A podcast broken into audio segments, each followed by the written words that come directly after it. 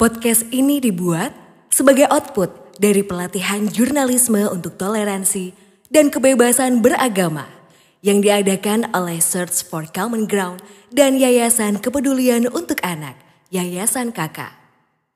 Konten di dalamnya bertujuan untuk memotret pengalaman seseorang dalam menjalani kehidupan beragama di Indonesia dan tidak bermaksud menyudutkan agama tertentu. Selamat mendengarkan. Perkawinan adalah perjanjian antara laki-laki dan perempuan untuk menjalani kehidupan rumah tangga sejak mengadakan perjanjian melalui akad. Yang dimaksud perjanjian di sini tidak hanya secara lahir, tetapi juga secara batin, disertai keyakinan kepada Tuhan yang Maha Esa. Hal ini tertuang dalam Undang-Undang Republik Indonesia Nomor 1 Tahun 1974 tentang perkawinan, yang menyatakan bahwa perkawinan ialah ikatan lahir dan batin antara pria dengan wanita sebagai suami istri dengan tujuan membentuk keluarga, rumah tangga yang bahagia dan kekal berdasarkan ketuhanan yang Maha Esa. Walaupun memiliki hukum perkawinan nasional yang berfungsi untuk mengatur masalah perkawinan, namun tidak bisa dipungkiri bahwa pada prakteknya masih banyak masyarakat yang menggunakan aturan adat istiadat dari masing-masing agama maupun sukunya. Sehingga dalam melangsungkan perkawinan ada banyak yang melanggar aturan hukum yang sudah diatur. Salah satu di antaranya ialah perkawinan berbeda agama dan konversi agama. Perkawinan beda agama memberikan banyak implikasi Salah satunya berkaitan dengan pemenuhan hak beragama baik antara pasangan maupun terhadap keturunan atau anak. Tantangan terjadi dalam proses pengasuhan di mana akan muncul perbedaan pemahaman dalam berkeyakinan terhadap Tuhan termasuk di dalam proses peribadatan. Keyakinan kedua orang tua yang berbeda juga akan berpengaruh dalam proses memilih keyakinan terlebih ketika anak beranjak dewasa. Lantas, seperti apakah proses komunikasi dalam keluarga berbeda agama? Bagaimana keterlibatan setiap anggota keluarga dalam menjaga hak dan kewajibannya dalam beribadah sesuai keyakinannya?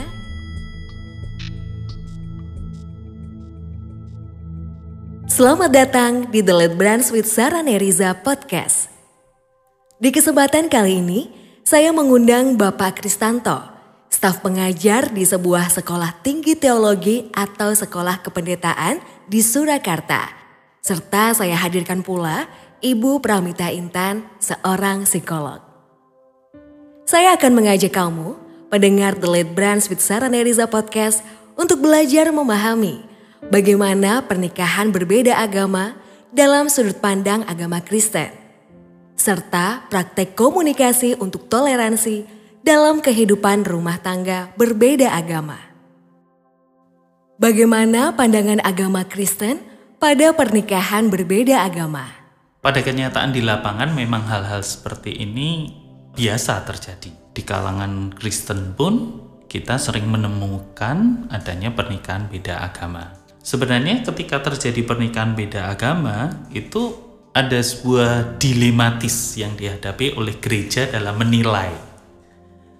Kenapa? Karena gereja punya sebuah keputusan yang pasti bahwa secara keimanan pernikahan beda agama itu kita tolak gitu. Jadi mungkin bahasa kasarnya kita melarang kekristenan atau dalam hal ini gereja melarang pernikahan beda agama. Itu secara keimanan. Tapi di satu sisi kita juga menyadari bahwa gereja dalam hal ini kekristenan itu merupakan sebuah produk budaya. Di mana ketika produk budaya itu muncul, kita hanya melihat bahwa semua agama itu sama. Ketika dia menilai sebuah pernikahan beda agama, gereja harus punya pijakan. Nah, secara kekristenan sebagai produk budaya, agama sebagai produk budaya manusia yang terus berkembang, maka gereja melihat bahwa hal seperti itu adalah hal yang merupakan hak asasi setiap manusia. Tetapi gereja juga atau kekristenan juga yang muncul sebagai sebuah keimanan, maka dia harus berani bersuara bahwa dalam kekasan dan keunikan iman Kristen dalam hal ini, pernikahan beda agama itu merupakan sesuatu yang ditolak. Nah, sekarang kasusnya adalah ketika itu sudah terjadi.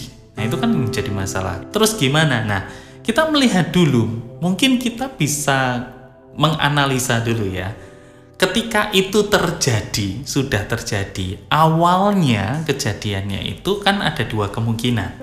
Kemungkinan pertama adalah ketika pernikahan beda agama itu dibangun memang sudah dari awal mereka membangunnya dari dua agama yang berbeda. Maksudnya gini, ketika yang satu misalnya Kristen, yang satu Islam misalnya. Nah, mereka sudah ada di agama masing-masing penanganannya tentu akan berbeda. Cara gereja menanggapi akan berbeda.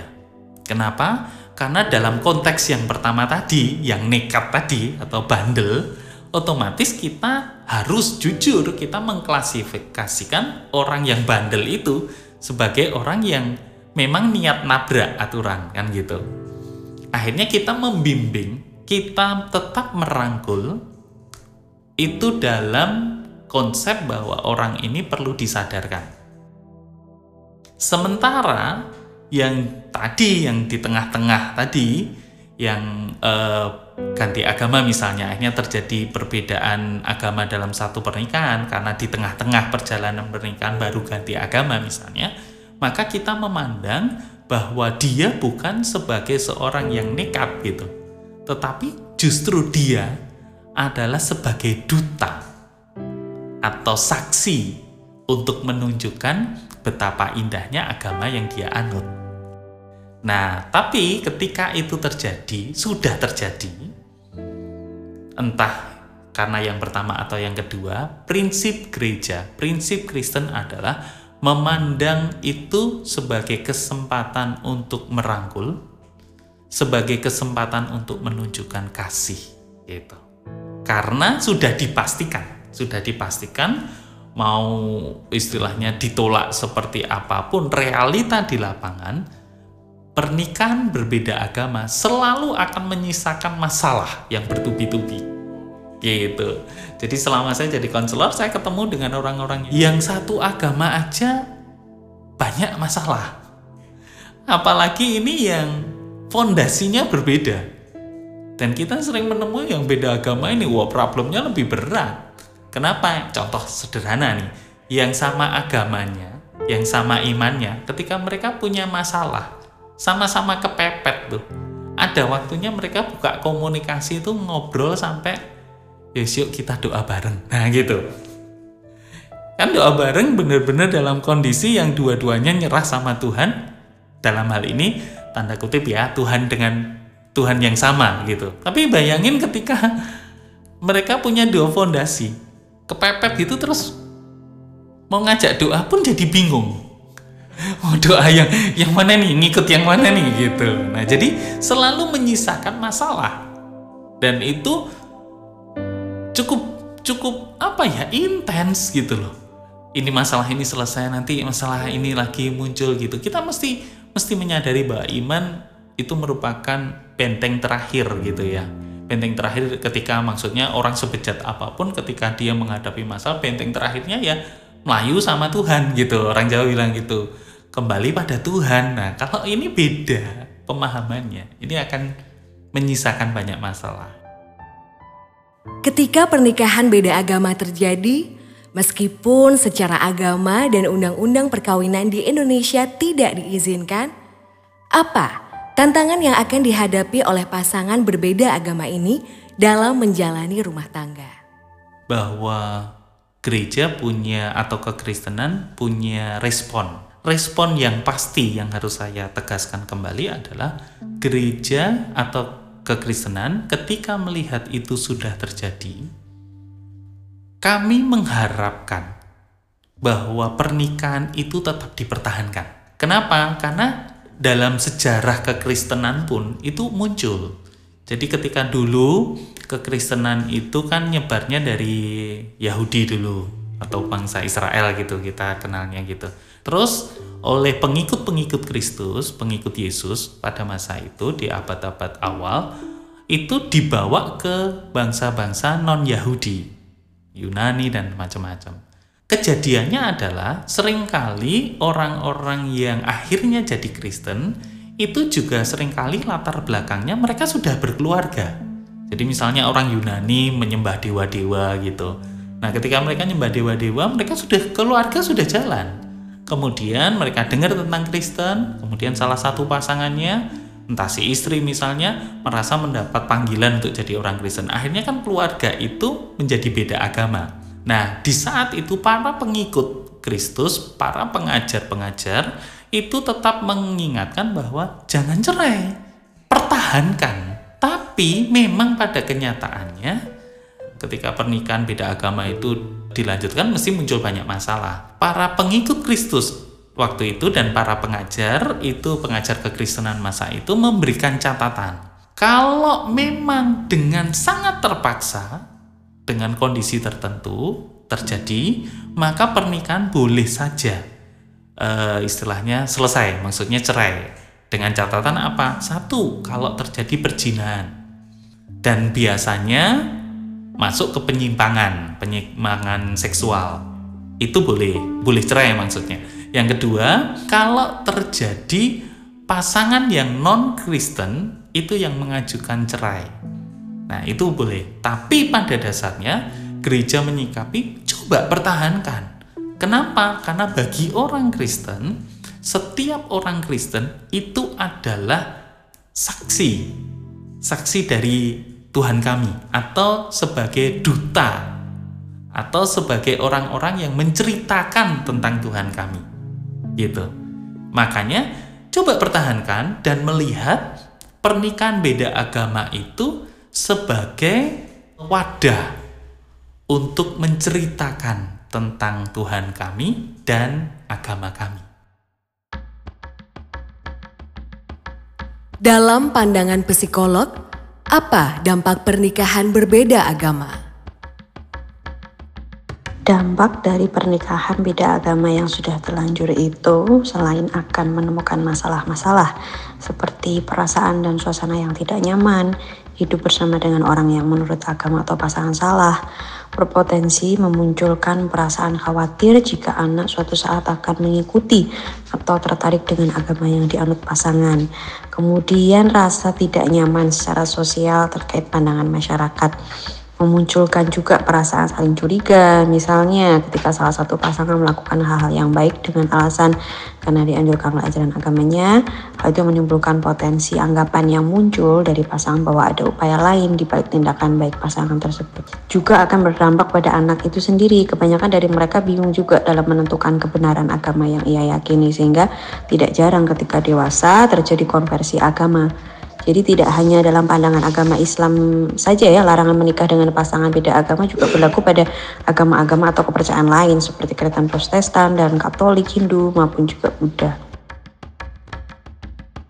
Jika pernikahan tetap dipertahankan, apa yang perlu dilakukan agar kebebasan beragama dan menjalankan ibadah sesuai agamanya tetap dapat dilakukan oleh masing-masing pribadi? Ketika sudah terlanjur menikah beda agama, bentuk toleransi beragama saja tidak cukup. Ya, perlu juga ada kesepakatan tertentu, maka komunikasi keluarga dalam hal agama akan lebih terarah sesuai dengan kesepakatan tersebut. Baik kesepakatan tentang agama anak untuk mengikuti agama salah satu orang tua atau dibagi secara fair, sebagian ikut agama ayah, sebagian ikut agama ibu. Jadi ada kesepakatan-kesepakatan tertentu dari pasangan gitu ya terkait hal agama gitu bagi anak. Dari sudut pandang psikolog, bagaimana cara terbaik pasangan berbeda agama menjelaskan perbedaan agama yang diyakini pada anaknya nanti? Baik saat sang anak masih kecil, remaja, atau ketika sudah dewasa. komunikasi saja tidak cukup ya, perlu juga role model yaitu orang tua itu sendiri. Ada contoh-contoh yang baik yang perlu dicontohkan dan diajarkan pada anak sehingga anak juga akan melihat kebenaran agama yang dianut karena di usia remaja nanti hingga dewasa anak mulai mencari identitas diri. Bagaimana anak melihat temannya dengan orang tua yang agamanya sama dan lain-lain. Misalnya ayahnya Islam, ibunya Kristen. Nah, peran ayah ini perlu ada bagaimana dia taat beribadah, memberikan contoh dan mengajarkan ajaran Islam yang baik pada anak dan menjaga anak agar tidak berpindah-pindah ke agama lain. Lantas, bagaimana cara mengkomunikasikan perbedaan agama dalam rumah tangga kepada anak-anak? Apakah sebaiknya anak diajarkan untuk memilih salah satu keyakinan orang tuanya? Kembali lagi pada peran orang tua itu sendiri yaitu mendidik, membimbing, mengayomi, menerapkan aturan, mengajarkan norma, menunjukkan sikap yang baik sebagai tauladan. Jadi sejak kecil anak sangat butuh peran orang tua terlebih dalam mengajarkan agama. Orang tua lah yang memberikan contoh bagaimana orang tua taat beribadah sehingga anak akan melihat kebenaran agama itu sendiri sehingga anak juga tidak kebingungan juga dalam memiliki keyakinan yang dianut. Bangunlah kesepakatan komunikasi yang mengarah kepada kesepakatan. Kesepakatannya kesepakatan seperti apa? Kesepakatan misalnya ini anak mau dibawa arah imannya ke mana? Ke ngikut ibunya atau ngikut bapaknya. Nah, itu dibicarakan. Apakah satu dua jam selesai? Wah, itu bisa berminggu-minggu itu mas. Itu bisa berbulan-bulan gitu salah satu alasan gereja atau kekristenan menolak juga melihat jauh ke depan juga seperti itu gitu loh. Nah, jadi kita menyarankan bicarakan terlebih dahulu karena semuanya pasti punya ego. Dan semuanya mengatasnamakan kasih gitu kan. Kasih itu dalam pengertian contoh nih, contoh yang yang real gitu.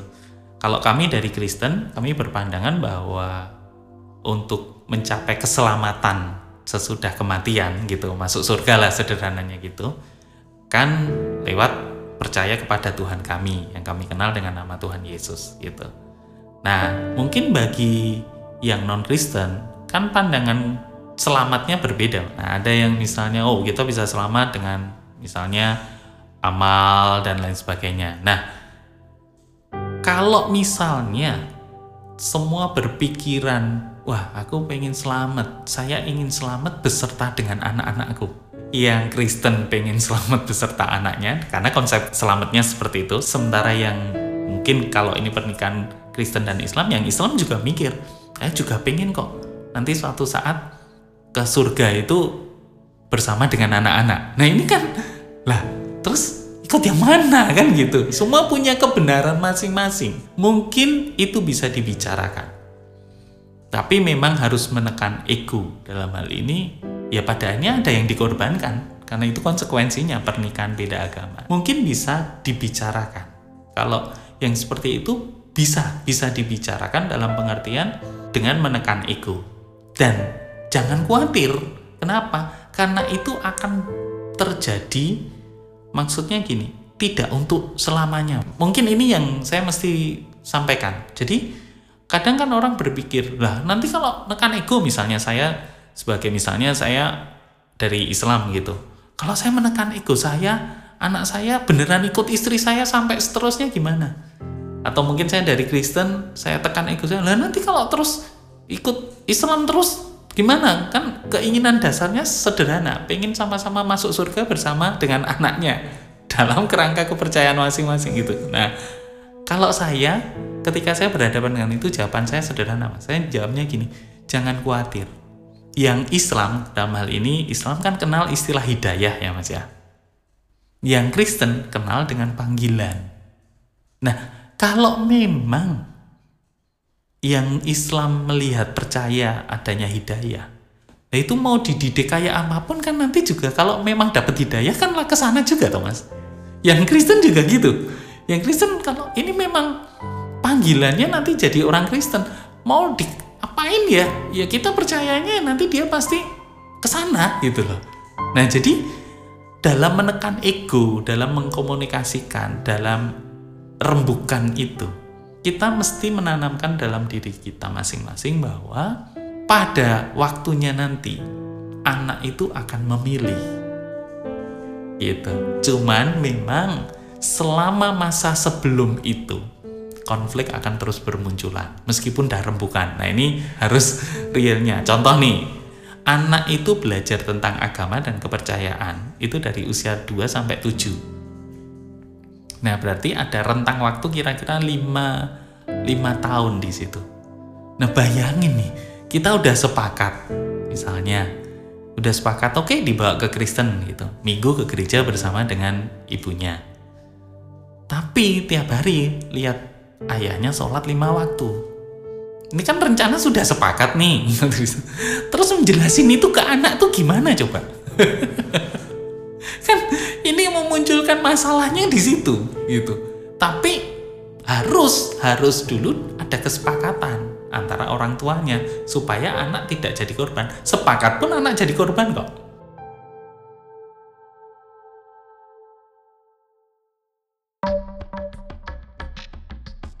Pernikahan berbeda agama memunculkan banyak konsekuensi dalam kehidupan berumah tangga.